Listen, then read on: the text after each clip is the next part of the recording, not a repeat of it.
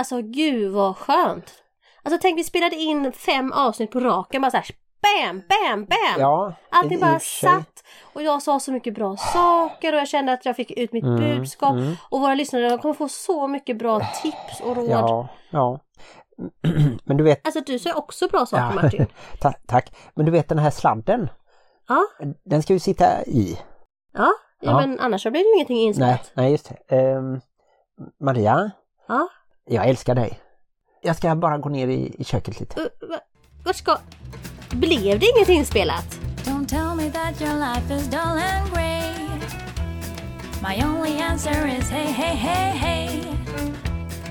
Let's go crazy in the wild, and if by chance we make a child, that just means that we're alive and healthy. Hej och välkomna till avsnitt 182 av Bonuspappan och Plusmamman, den snyggaste, bästa, härligaste och tror smartaste människan i världen. Och vi är ju en podd som handlar om bonusfamiljer, livet i en bonusfamilj. Ah, du kan inte det riktigt. Det var så länge sedan jag sa. Men det är det är, ju med tyngdpunkt på relationer och föräldraskap. Martin, du är sämst. Vi är en podcast om livet i en bonusfamilj med tyngdpunkt på föräldraskap och relationer. Ja men det var ju nästan rätt i alla fall. Men jag vet i alla fall att vi sänder i samarbete med Hallands Nyheter, dagstidningen i Varberg och Falkenberg med omnejd. Den finaste dagstidningen som någonsin penetrerat en brevlåda. Hur gör man när man penetrerar en brevlåda? Man trycker in sig i den. Det låter lite halvsnuskigt måste jag säga men eh, det är ju i alla fall en tidning som alla kan läsa om man bara går in på www.hm.se. Då behövs ingen penetration överhuvudtaget. Då behövs bara En prenumeration som är något helt annat och just nu så kostar det bara en krona för tre månader. Det är ju fantastiskt billigt. Mm, Slå till. det tycker jag. Läs Martins artiklar. Ja, det finns ganska gott om texter som jag har skrivit eftersom jag har jobbat på HN nu i 23 år tror jag det.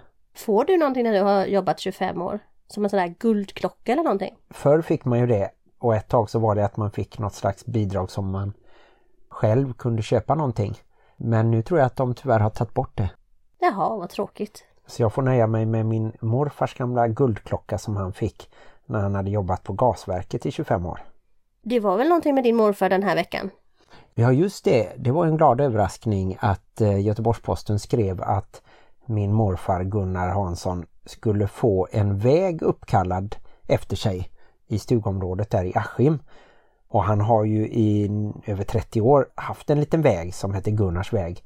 Men nu när det ska bli ett officiellt namn så var det tydligen lite för allmänt. Och därför så är förslaget att det ska heta Gasol-Gunnars väg. Gasol-Gunnar, vilket härligt sånt där gammalt smeknamn. Varför har vi inte sådana längre? Nej, han kallades när han var ännu yngre för Plösen för att hans fosterpappa var skomakare. När du säger så tänker jag för att hans tunga var så stor. Men han jobbade som sagt på gasverket. Populär bland kvinnorna. Det kan vi väl inte ha med. Nu är det med. Och ute på Askim eh, så var han med och satt i styrelsen och byggde upp GFA, Göteborgs fritidsförening Askim. Och sen installerade han gasol, för det hade de i köken. Och så sålde han gasol, så det minns ju jag från min barndom. Innan du skriver en hel roman om herr morfar Gasplösen så kanske du kan säga ifall han hade någon slags bonusfamiljskoppling eller så? Ja, inte som vuxen för då var han ju gift med min mormor och de hade två döttrar. Äldst var ju min mamma då. Men när han växte upp så var det lite speciellt för hans mamma var ogift och fick två eller tre barn som hon inte kunde behålla då. Det var så på den tiden, 1914 är morfar född. Så han blev bortlämnad och Fick växte hon upp. inte behålla dem för att hon var ogift? Ja, det var ju dels fanns det ju en skam i att bli gravid utanför äktenskapet och sen så hade hon väl helt enkelt inte pengar till det. Så när hon väl gifte sig, då fick hon inga barn. Men morfar växte upp hos fosterföräldrar. Jag vet inte om han blev adopterad eller om det var liksom fosterföräldrar. Och de i sin tur dog när han var tonåring. Kanske 14-15 bara. Och sen började han jobba i Göteborg och eh, hade liksom ingen släkt. Mm, där ser man. Det här blir nästan Gasol-Gunnar-podden. Jag tänkte att innan vi går in på veckan som gått i vår bonusfamilj så kanske du kan berätta vad det här avsnittet kommer att handla om. Ja, det är ju ett diskussionsavsnitt och vi har fått in eh, flera bra frågor från er kära lyssnare och eh, bland annat handlar det lite om mitt och ditt i en bonusfamilj. Oh. Kanske särskilt vad gäller de vuxna. Och även lite det här vilken roll en bonusförälder ska ha. Spännande. Mm. Men innan dess så ska vi ju prata lite om vad som har hänt i våran bonusfamilj. Mm. Vi har firat min andra födelsedag. Just det. För 44 år sedan så kom jag med den stora vita fågeln och landade på Kastrups flygplats. Mm. Du kom inte med starten utan med. Lufthansa! Var det luft? Men nu lät det som att det var danskt. Ja, är det inte det då? Nej, det är tyskt. Va? Ja. Jag har alltid trott att Lufthansa var danskt. Det låter sådär danskt. Lufthansa! Man kan väl säga allting på danska så blir det danskt. Men du blev ju eh, adopterad när du var 10 månader, ja. Och därför så firar vi lite extra den 18 november. Och det gjorde vi ju via Zoom som har blivit i ropet nu i och med den här pandemin som vi är mitt uppe i.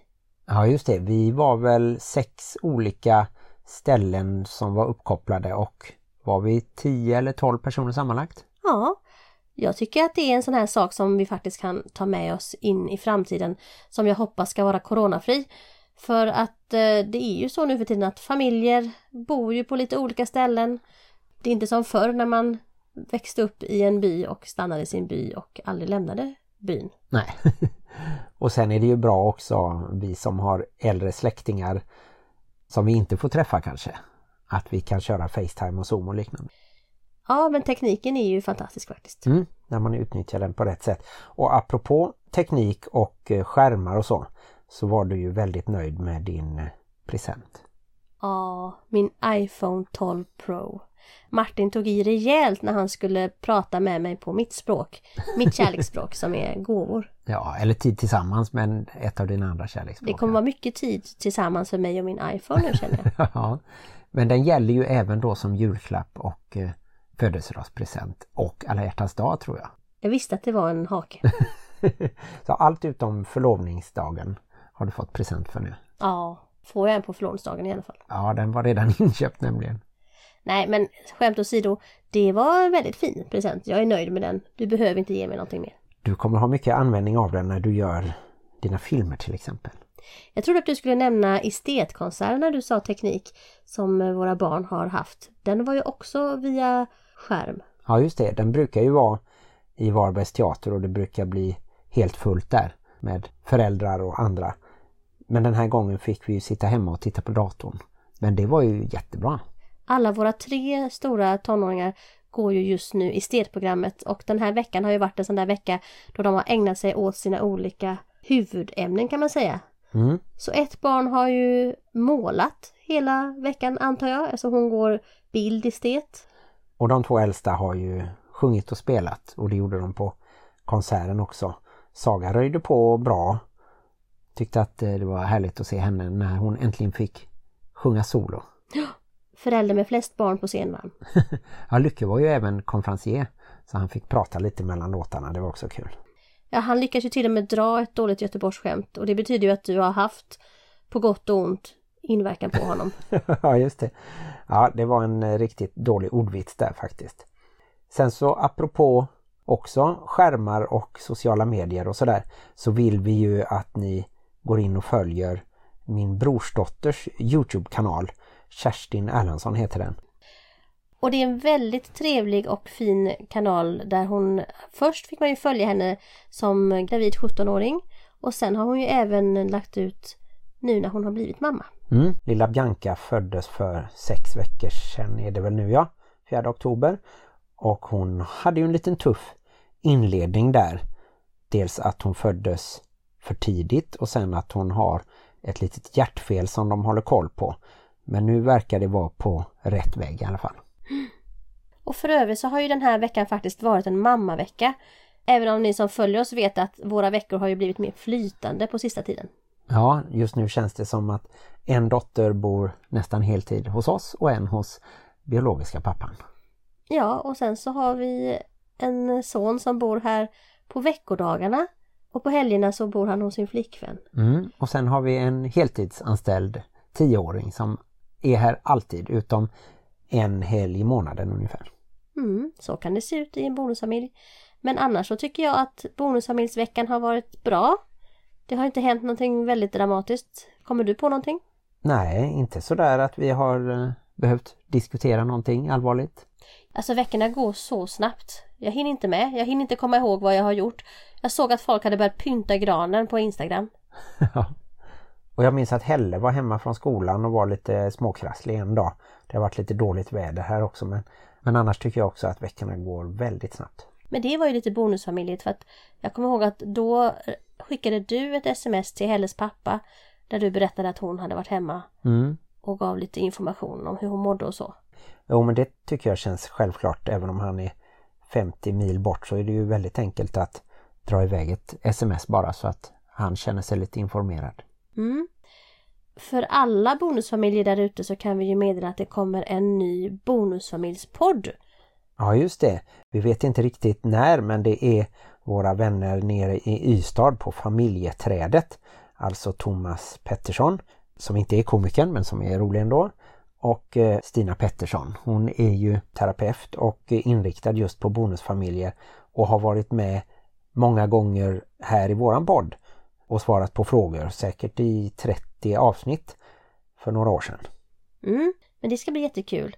Det finns ju inte så många poddar som riktar sig till bonusfamiljer. Nej, jag hittade en som hette Styrfamiljspodden som gjordes 1800 kallt. Ja, det låter ju så med just styvfamilj men det var 2014-2015 och eh, jag hittar bara tre riktiga avsnitt och de har nummer 5, 6 och 7. Men sen finns ju då också Bonusfamiljen-podden och den startade ju också 2017, samma år som vi startade. Gjorde den? Det visste inte jag. Mm, några månader innan. Och de har gjort sammanlagt 19 avsnitt. Men det senaste kom ju för snart två år sedan, i januari 2019, så den är inte aktiv riktigt nu. Vi får väl se. Det är Perna Roskin och två av våra tidigare gäster, Moa och Klara Herngren. Och de ligger ju bakom tv-serien Bonusfamiljen, så kanske vaknar podden till liv när fjärde säsongen kommer om ett år ungefär, hösten 2021. Det ser vi också fram emot. Men jag tänkte på det här att Thomas och Stina har ju inget namn på sin podd. Så kan inte vi bidra med att komma på det, vad de ska heta? Trädet och barken till exempel. Ja just det, vi kallar ju Thomas för Barken lite eftersom deras företag heter Familjeträdet. Men eh, jag tycker ju att någonting med familjeträdet skulle ju kunna funka. Bonusfamiljeträdet kanske? Ja men det var ju faktiskt bra. är du förvånad? Jag är alltid förvånad när det kommer något bra ur din mun. Sen har de ju även en e-tidskrift, en digital tidning som heter Bonusmamman. Och det skulle väl kunna funka som namn på podden också. Ja fast då kanske alla bonuspappor känner sig exkluderade. Ja just det, Bonuspappan. Finns Bonusmappnappan. det? Mappnamn. Mappnappan-podden. Yes, där satt den. Det är ju lätt att marknadsföra och säga. Man måste säga det på det sättet också. Mappnappan. Vi får se vad det blir men vi önskar Stina och Thomas lycka till. Och nu önskar jag oss lycka till med att svara på de här frågorna som vi har fått. Just det, nu är det diskussionsdags.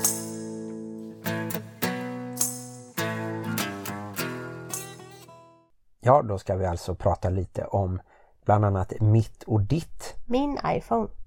Ja, just det, det är det. Jag har ju också en iPhone men den är inte lika ny och fin. Men det handlar lite om det här om det är okej om man delar upp vissa saker i en bonusfamilj. Både dels de materiella sakerna och det som då man kallar immateriellt som är då exempelvis tid och semester eller utrymme på andra sätt. Och frågan är då om det skapar större avstånd. Är det själviskhet eller kan man kalla det integritet? Hmm. Det tål ju att funderas på. Om vi först ska vara tråkiga så kan vi bara svara sådär jättekort att det beror ju på hur människor är. Det är ju väldigt olika. Och huvudsaken är att man själva i sin relation kommer överens om hur vill vi ha det i vår relation. Och det spelar ingen roll ifall man bor i en bonusfamilj eller om man lever i en kärnfamilj. Det är samma sak. Men jag tror att det är viktigt att man tar egen tid. Ja och framförallt att det är viktigt att man är överens också. Det är ju jobbigt om någon vill ha mycket egen tid och till exempel kanske semestra själv med sina biologiska barn och så finns det en bonusförälder och kanske bonussyskon som inte har de ekonomiska möjligheterna eller inte har tid eller sådär att åka iväg. Ja, du menar så. Ja, det är också ett dilemma om en familj då känner att de har råd att åka jättelångt och den andra familjen inte. Då kan det nog bli problem tror jag, om man kör en sån uppdelning. Jag tror ju generellt sett att det skapar större avstånd om man delar upp saker. Men däremot så tycker jag ju att det är helt normalt och förståeligt att man i början har en viss uppdelning. Det är ju samma som i en kärnfamilj om man träffas kanske innan man skaffar barn. Då brukar man väl inte slå ihop alla sina pengar direkt utan att man kanske delar och betalar hälften av hyran och hälften av maten. Och sen efter ett tag kanske att man slår ihop och betalar allt tillsammans. Men på det här med semester tänkte jag att det handlar kanske inte bara om pengar. Det kan handla om att man är olika människor. Som jag har tänkt ibland att du skulle kunna åka iväg på en skidsemester. En skitsemester enligt mig eftersom jag gillar snö. Mm. Och så kanske du tar med dig ett eller två barn och så åker jag iväg till solen med ett eller två barn. Och sen när vi lägger ihop de barnen så kanske det blir något barn hemma. Jo men visst, eh, så skulle man ju kunna ha det men jag tänker ju ändå att även om jag tycker att det är jätteroligt att åka skidor så skulle jag ju gärna åka med på en solsemester. Och jag tror ju att du och även om det finns något barn som inte är jättetaggad på att åka skidor skulle tycka att det var något spännande och annorlunda att komma upp och ändå vara bland lite högre berg och mycket snö och sådär. Ja fast det är ju helt oväsentligt i det här sammanhanget. Jag menar bara på att man är olika människor, att man kan göra olika saker, att man måste inte alltid göra allting i en klump. Nej, även där som sagt att bara man pratar lite om det och om du skulle till exempel förklara varför du skulle må bättre av att åka på en semester själv, kanske helt ensam eller med något barn, så förstår jag ju det och jag menar det vill jag ju i så fall uppmuntra för att jag vill att du ska må bra. Men eh, jag tror inte att det egentligen är så stor skillnad med vad man behöver och inte behöver oavsett om man lever i kärnfamilj eller inte för att jag kan känna att jag har behov av att ha mitt eget space. Att ni inte rotar bland mina saker eller tar någonting utan att fråga. Men samtidigt som jag känner att jag vill gärna ha mina saker så betyder inte det att jag inte skulle kunna låna ut mina saker. Om man bara frågar. Jag vill ju bara inte att någon kommer och tar någonting utan att fråga. Och det kan väl vara en sån där grej ifall man är lite olika där. Ifall man är två familjer och i den ena familjen så är man van vid att ja, men, de här sakerna Finns de i hemmet så kan man låna dem lite sådär. Medan någon annan familj då kanske är mer Det här är mitt och man måste alltid fråga. Då kan det bli en krock när man blir en bonusfamilj. Ja men så tror ju jag också och jag tycker att det finns vissa saker som nästan inte går att dela upp utan att det blir väldigt konstigt. Till exempel alla sådana här gemensamma saker som man har i köket och sådär. Sen det är klart att om det är någon som vill ha en väldigt speciell kudde eller handduk eller sådär, då kan man ju betrakta det nästan som kläder. Och jag menar kläder kan man absolut byta och låna av varandra men det ju, känns ju ganska självklart att man frågar först då. För Det är ju lite mer personligt kanske då. Jag tror att man ska vara lite försiktig med att dela upp för mycket för att speciellt i en bonusfamilj så är det viktigt med den här teambildningen och försöka svetsa ihop sig och för att man får inte så mycket gratis som vi sagt innan. I en kärnfamilj så har man ju lite försprång på just det här med att svetsa samman som en enhet. Och blir det väldigt mycket mitt, mitt, mitt så kan det ju försvåra den processen. Mm. Jag kan ju tänka mig till exempel att föräldrarna har något slags eh, sovrum eller arbetsrum eller sådär. Va? Eller något kombinerat. Vilken lyx! Och då tycker jag väl att man ska få säga till exempel att barnen inte ska gå in och som du säger rota eller låna saker därifrån utan att fråga. Men om du tänker att en förälder skulle ha ett sånt liksom eget rum med bara privata saker dit den andra föräldern, biologiska eller bonus, inte liksom hade tillträde och så. Då skulle det bli konstigare. Men det löser sig ganska bra i en bonusfamilj för ofta så blir vi ganska stora bonusfamiljer. Så det finns inget utrymme för att någon skulle ha ett eget rum. vi har ju inget eget rum faktiskt. Vi delar ju med våran minsting. Men jag tycker det är ännu viktigare då att man får sin egen lilla så att här är min lilla hörna. Här får ingen flytta på saker eller röra saker. Mm. Och det tycker inte jag känns själviskt utan det är mer, det är, då är det integritet som du frågade där i början. Mm. Och sen om någon var nyfiken på hur det ser ut hos oss så är det ju så att vi delar på allting. Både så att säga sakerna som vi köper. Och Förutom min iPhone. det beror ju på om du menar på pappret eller i praktiken. Det är därför vi kommer att leva tillsammans för alltid. Så att du aldrig någonsin kommer kräva halva min iPhone. Ja, just det. Och mina trummor och symboler, de hade jag ju innan vi träffades. Och du får gärna låna dem. Men de är fortfarande mina. Nej, men om vi ska dra ihop säcken runt den frågan så kan man ju kort säga det är viktigt att man kommer överens, att man vågar prata om det så att man har samma förväntningar framför allt eftersom man är olika och då kan det ju bli så att man faktiskt inte vet hur den andra vill ha det. Och sen att man kanske ger och tar lite, att eh, man kan få lite egen tid men också ge den andra tid. Man kan vara generös med saker så att den andra också kan vara generös med saker. Och så blir det mycket härligare och gosigare i livet. Mm. Och just när det gäller tid så tror jag ju också att en bonusförälder som då alltid väljer innan man flyttar ihop att träffa sin partner på de barnlösa veckorna och inte träffa sina bonusbarn kommer ju ha svårt att lära känna dem. Och där kan jag ju förstå att man i början, särskilt innan man flyttar ihop, så kanske det är lättast. Men jag tror ju att ska det vara långsiktigt så måste man ju ha tid med barnen för att lära känna dem och bli en bonusförälder. Ja, vi kan ju fortsätta att prata lite mer och inrikta det ännu mer på egen tid för de vuxna.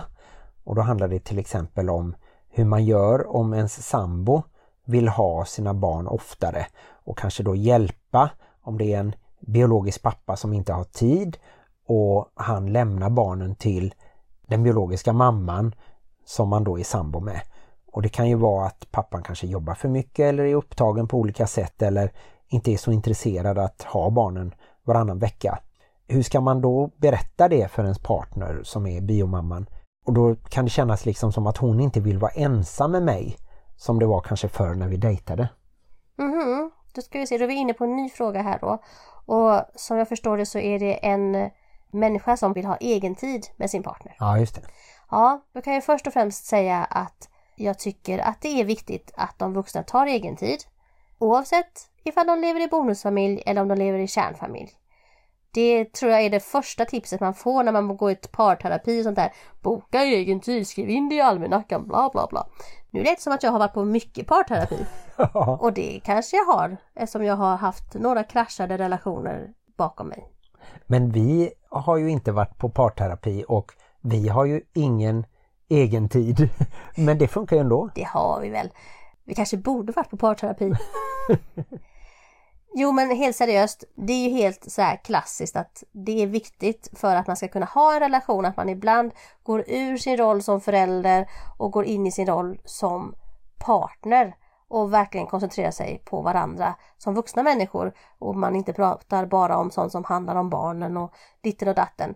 Däremot så vill jag ju lite flika in att man kanske inte kan tänka att när man börjar dejta någon som har barn att det ska vara som ifall två människor utan barn börjar dejta, att man kan få så mycket egen tid. Utan det får ju bli sådär att man, precis som jag skämtade om här innan, kanske faktiskt planerar in det i kalendern och skäl lite stunder. Som nu när vårt barn är på övernattningskalas hos sin kompis. Ja just det och då har vi ju inga barn hemma eftersom hon som sover här i natt har fyllt 18 och tekniskt sett är vuxen. Ja, nej men då kanske man kan klä upp sig lite, käka lite fint så här i coronatider så får man inte glömma bort att man faktiskt ibland kan tycka att det är lite kul att göra sig fin för varandra. Mm. Martin har däremot gjort sig ful genom att han har odlat ett skägg nu i flera veckor. Men det är jag ju faktiskt tvingad till av familjen. Det här med No Shave November, det var inte min idé. Men det är en ganska rolig idé. Du är ju som en helt ny man. Jag har fått en helt ny man. Ja. Du är läskigt lik mitt ex bara. För han var också väldigt skäggig. Ja, just det behöver vi ju inte prata om kanske, men jag kan istället hålla med dig om att man inte kan ha de förväntningarna på en partner med barn som om den personen inte hade barn. Jag tänker ju hela tiden att barnen går först för dig och eftersom jag inte har några biologiska barn så går ju mina bonusbarn först för mig också. Mm. Jag vill ju också då som biologisk mamma inflika det här med att jag har visserligen inte mina barn på heltid men jag är ju mamma på heltid och mina barn är alltid välkomna hem. Så ifall då deras andra föräldrar, eller papporna, inte skulle kunna ha dem lika mycket så hade jag ju självklart tagit över den delen. Så att där förstår jag ju den personen som tar barnet mer som det stod om i frågan. Ja, för oss så är det till och med så då att vi tänker på det när vi pratar ibland. Att vi säger att vi har barnlösa veckor. Vi säger inte barnfria. Vi vill liksom inte vara fria från barnen. Som du säger, vi är alltid föräldrar men ibland är vi utan barnen. Och det är inte något positivt i sig att vi inte har barnen. Du har blivit lite hjärntvättad kanske? Nej, men sen så tänker jag också faktiskt på det att vi inte frågar barnen, ska ni sova hos oss? Utan då säger vi, vilka sover på Västgötagatan där vi bor? Och så får vi till exempel istället fråga, ja, vilka sover på Beles som är den andra adressen där deras pappa bor, tonåringarnas. Och det tycker jag också är viktigt så att de vet att detta är alltid deras hem, även om de inte alltid sover här.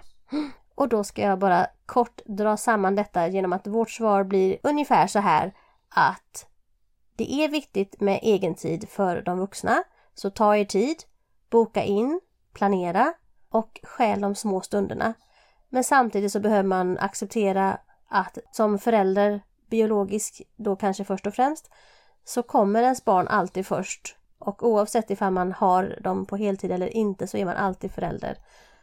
Och det kan vara bra att man som bonusförälder också ser det lite så. Mm.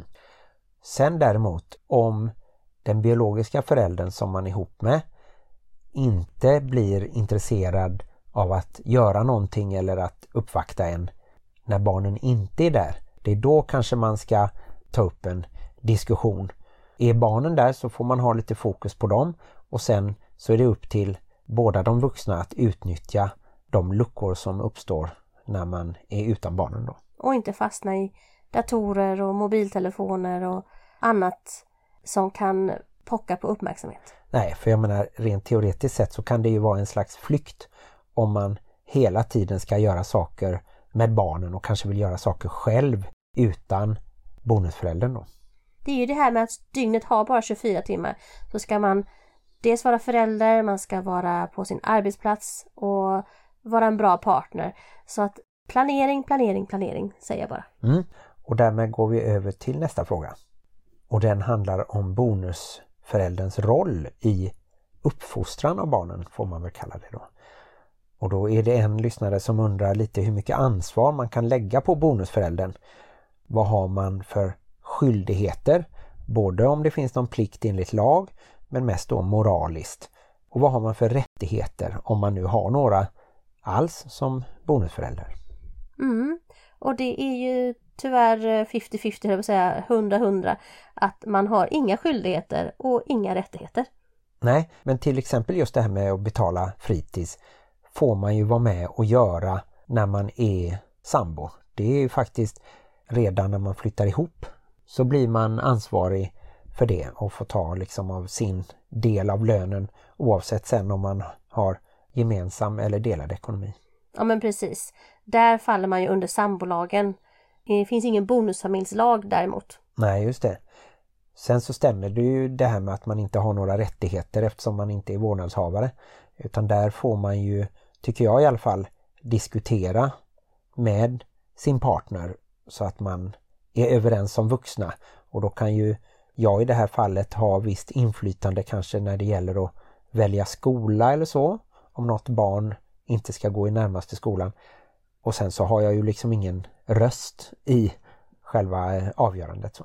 Nej, och frågan ställdes lite så här, kan ansvar läggas på en bonusförälder? Och man tänker att man kanske inte ska lägga den på, det låter tungt så här, nu lägger den här på dig. Utan man kanske mer i ett slags samförstånd med bonusföräldern kan komma fram till hur mycket ansvar den personen vill ta eller inte ta.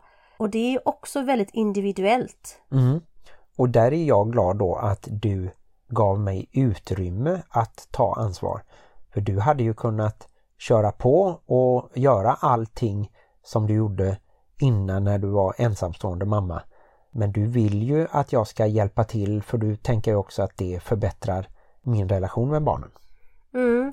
Jag känner lite att man biter sig själv i arslet om man håller för hårt på det där med att man inte låter sin partner säga till ens barn eller man låter inte sin partner ha en åsikt eller tycka till.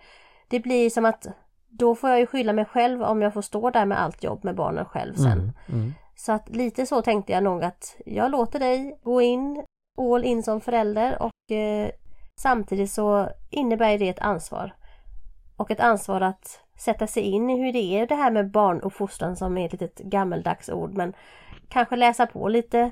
Om man inte är förälder själv till exempel så kanske man har med sig någon slags barnuppfostran från sin egen uppväxt som man inte riktigt har bearbetat än. Och då kastas man ju in i ett föräldraskap på ett helt annat sätt än ifall man får ett barn som en liten bebis och så är det en slags process.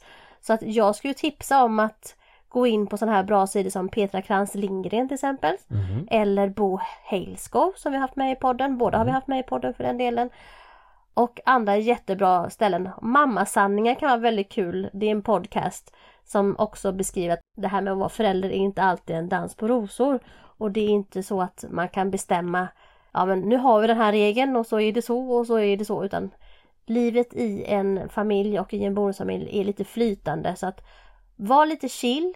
Gå in så mycket som du känner att du kan, vill och orkar. För det kan ju också bli så att tar du på dig för mycket ansvar och sen känna att du bet av för mycket och inte riktigt kan tugga.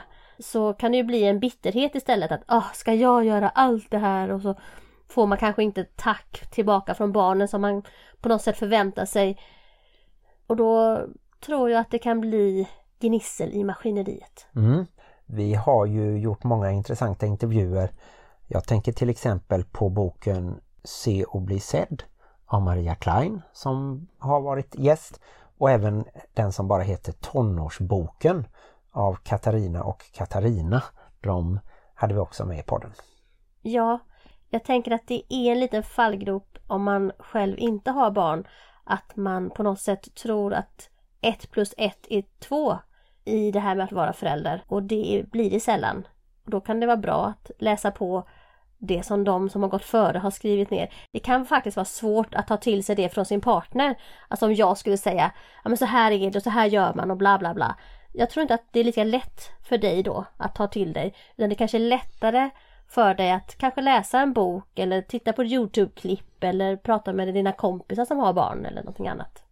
Så det är väl lite mitt tips att dels att då kanske föräldern som har barn inte ska vara den som ska lära den som inte har barn hur det är att vara förälder. Och dels då var det mitt tips till den som inte är förälder att läsa på lite om hur det är att vara förälder innan man kanske bränner ut sig själv i båda ändarna. Mm.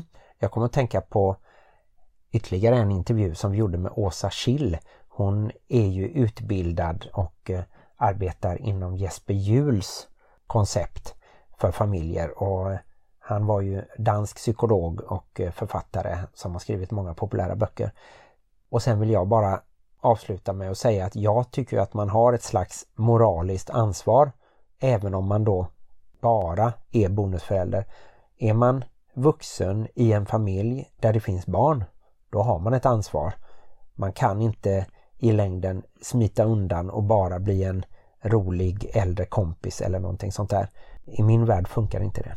Man skulle kunna bli det, men då kanske man inte heller får chansen att påverka ett ungt barn som sen en dag ska bli vuxen. Vi brukar ju luta oss på det här gamla ordspråket att det tar en hel by för att uppfostra ett barn. Och precis som du säger så tycker jag att är man vuxen runt barn så har man ett ansvar att vara en bra förebild om inte annat. Man kanske inte måste tvätta, diska, städa, damma. Det är ju sånt som man får komma överens om som par, hur man vill ha det i just sin familj. Men jag tänker att det enda ansvar som jag tycker är självklart det är det jag sa att vara en god förebild. Mm. Och nu kan vi nästan glida över lite sömlöst till näst sista frågan för den handlar lite också om uppfostran och det var en lyssnare som undrar lite hur man löser konflikter då om man har olika syn i de olika familjerna på det här med regler till exempel. Och hur klarar man då som bonusförälder att se på när de biologiska föräldrarna inte sätter några gränser för barnen och att man då tycker att man gör barnen en björntjänst. Ja men då är vi ju där igen lite grann faktiskt precis som du sa. Och där kan det faktiskt bli ganska stora krockar för att vi har olika bagage med oss. Vi har olika uppfostringsmetoder som våra föräldrar har använt. Och som jag nämnde innan så har ju den föräldern som har barn ett litet försprång när det gäller föräldraskapet för att den har varit förälder till just det barnet längre. Och det gäller ju även ifall båda föräldrarna har barn sedan tidigare. Att man har ett försprång på just det barnet, hur just det barnet fungerar, vad som inte fungerar och så har man kommit fram till olika strategier så att det kan ju bli att när man tittar in då bara, men varför gör de sådär? Varför säger han inte ifrån? Eller, men man vet inte. Kanske har det barnet en diagnos, kanske har det barnet ett trauma med sig. Det finns så mycket olika anledningar till varför barn gör som de gör. Och då vill jag bara skicka med det som Eva-Lena Larsdotter sa. Vi hade med henne tidigt i poddens historia. Hon sa Barn beter sig bra om de kan. Och med det menar hon ju lite att barn gör så gott de kan. Och det gör vuxna också. Man kan inte göra mer än man gör. Och just med Eva-Lena där så tänkte jag ju att man då som vuxen och som förälder ska skapa förutsättningar för att barnen ska kunna göra något bra. Men då upprepar jag bara mitt förslag sedan tidigare att läs på lite om lite moderna barnuppfostringar och lutar inte allt för mycket på det sättet som era föräldrar uppfostrade er på. För om ni är ungefär i min ålder så var det ju väldigt mycket saker som mina föräldrar tyckte var enormt viktigt som jag själv inte tycker är så viktigt som att man ska vara hel och ren och, och så. Sen så finns det vissa tidlösa saker som att jag tycker att det är viktigt att man är artig, att man är snäll, att man håller det man lovar och sådana saker.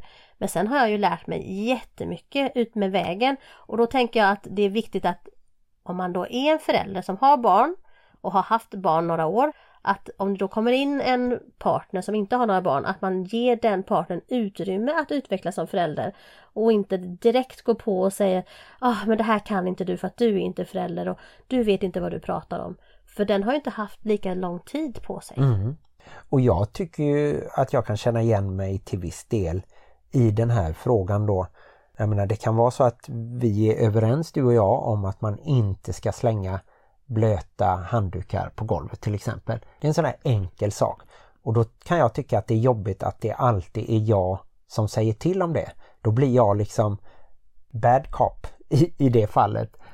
Fast jag har ju alltid gett dig utrymme att slippa vara bad cop.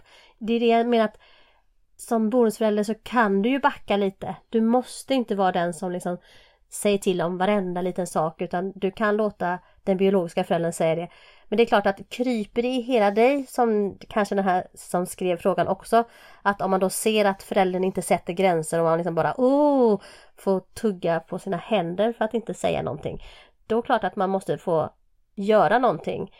Men ibland så tror jag att man kanske går alldeles för mycket all in som extra förälder och tänker att nu ska det bli ordning på torpet och så tar man i från tårna och då kanske det, man stöter på patrull, speciellt från barnet då som kanske mycket väl skulle kunna plocka upp den där handduken till exempel. Men om den får för mycket tjat på sig så sätter den bara båda hälarna i marken och vägrar. Mm.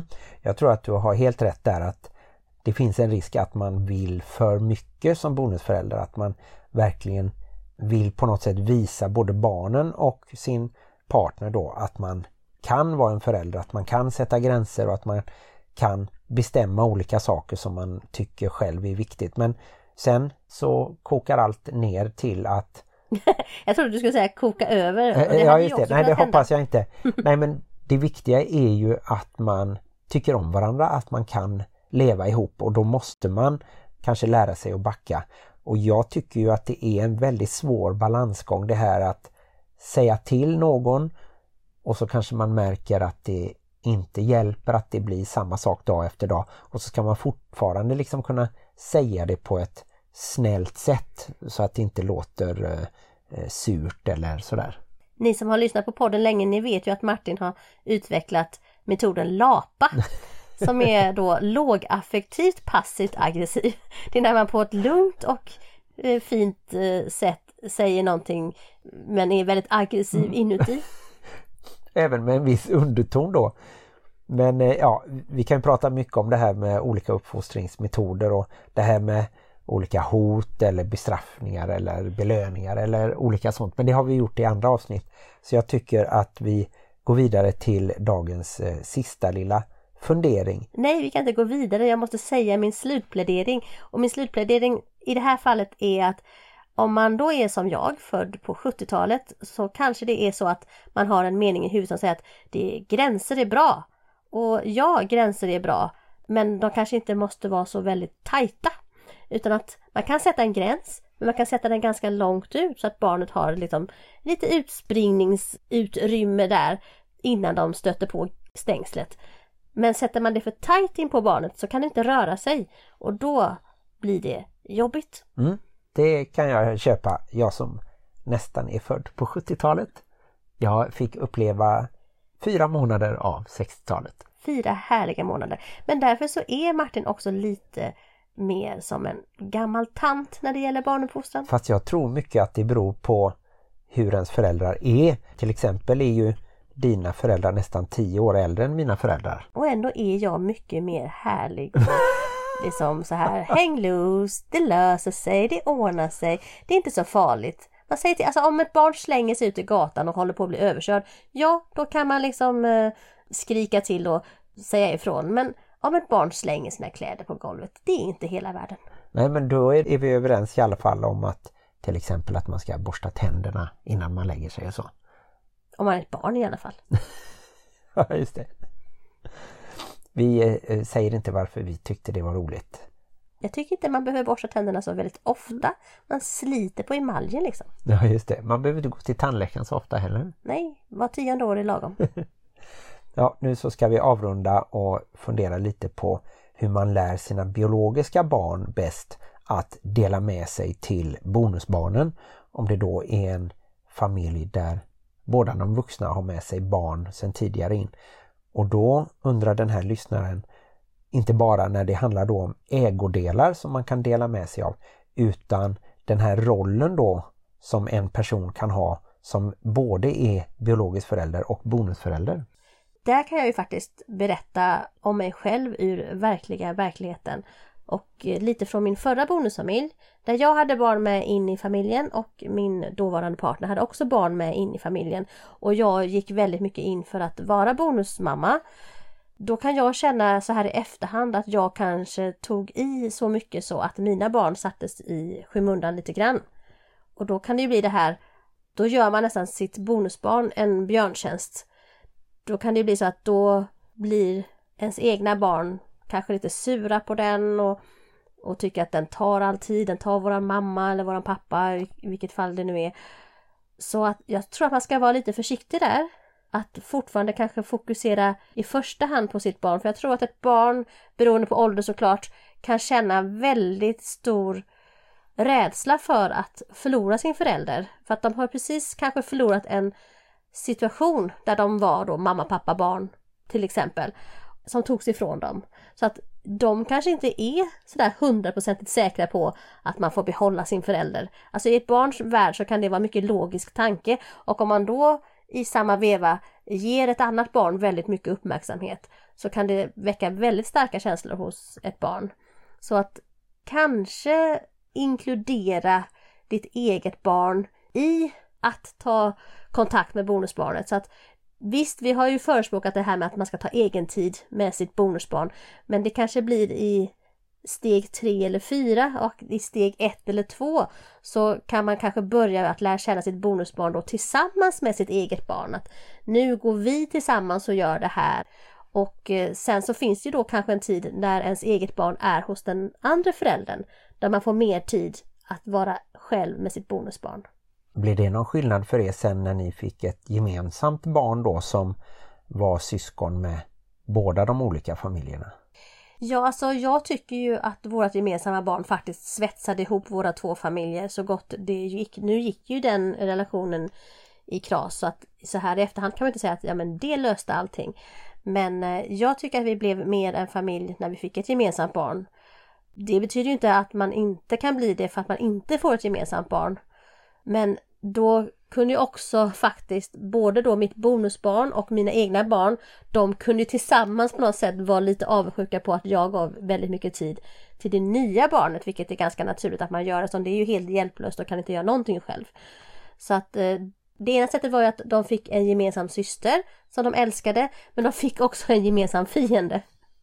Men är det så att du skulle ha gjort något annorlunda om du fick välja idag? För jag tänker ju samtidigt att den insatsen du gjorde då för din bonusson lönar sig nu när han är din plusson och ni fortfarande har kontakt och han har kontakt med sin extra brorsa. Ja, jag hade absolut gjort vissa saker annorlunda och så kan man väl säga om många saker i sitt liv. Men samtidigt så kan man ju också säga att man hade inte kunnat göra det annorlunda för man gjorde så gott man kunde. Och eh, på grund av att man gjorde si och så så blev det si och så. Och det kan man inte ha ogjort heller. Men jag tror att jag hade nog försökt att inte sätta mitt bonusbarn helt på pedestal. Utan mer kanske behandla barnen lika. För det blev liksom att i min vilja att vara den här perfekta bonusmamman så fick ju mina barn ibland höra, ja men låt honom ha det, låt honom göra det. Och det blev, det blev inte bra. Nej, och du var väl iväg också och pendlade till Stockholm för att lämna din bonusson till hans biologiska mamma till exempel. Ja, fast då menar du att jag tog tid i anspråk till det menar du? Ja. Mm. Ja, fast då hade jag ju sig de barnen som ville följa med, de hakade på. Okej. Okay. Så vi var som ett lämmeltåg mellan eh, Halland och Uppland. Ja, det var alltså fem barn som var då mellan ett och åtta kanske? Jajamän. Och så har jag inte körkort heller så det var kollektivt farande fram och tillbaka. Just det. Ja, det var imponerande. Vilken energi du måste ha haft då. Vilken energi jag absolut inte hade efter det kan man väl säga. ja, det var väl veckans diskussion. Har du något som du vill tillägga om det här senaste? Den här rollen som jag ju inte kan identifiera mig med att ha både biologiska och bonusbarn. Mm, ja, alltså jag vill ju bara igen då kanske poängtera att visst det är jättebra att man tar sig tid att lära känna sitt bonusbarn och tar sig tid att göra saker med den och lära känna den. Men att inte glömma bort sitt eget barn. För att man vet inte riktigt hur ett barn tänker och funderar och den är kanske livrädd för att bli övergiven. Så hellre i så fall göra saker med alla barnen tillsammans och hoppas på att de kan lära känna varandra. För det kan ju i bästa fall bli en väldigt långvarig relation så att de blir som lika mycket syskon som i en kärnfamilj. Mm, det var bra sammanfattat av dig. Det är härligt när du sätter ord på mina tankar.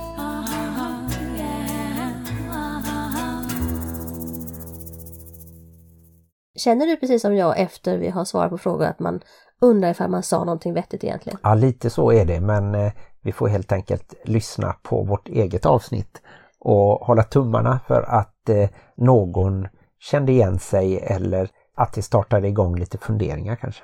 Vi brukar ju alltid säga att vi är inga proffs. Vi är bara människor som har levt i bonusfamiljer. Jag är ganska väldigt många år och du är faktiskt fem år snart. Det är inte illa. Nej, och jag hoppas att det blir många mer år och att eh, vi fortsätter att utvecklas och lära oss. Jag tror aldrig man blir för gammal för att lära sig någonting. Och vi tycker ju inte att ni måste tycka som vi, utan vi tycker ju att det är bra ifall man liksom startar igång tankar och diskussioner och att det är så man kommer framåt genom att lyssna på andra, genom att själv tänka och det kan man göra i våran Bonusfamiljen-grupp.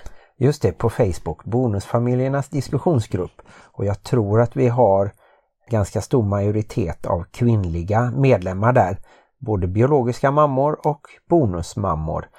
Och då tycker jag ju egentligen att ni ska bjuda med era partners de andra mammorna eller papporna så att de också får chansen att diskutera och kanske lyssna på podden. Ni kan även eh, skicka frågor direkt till oss.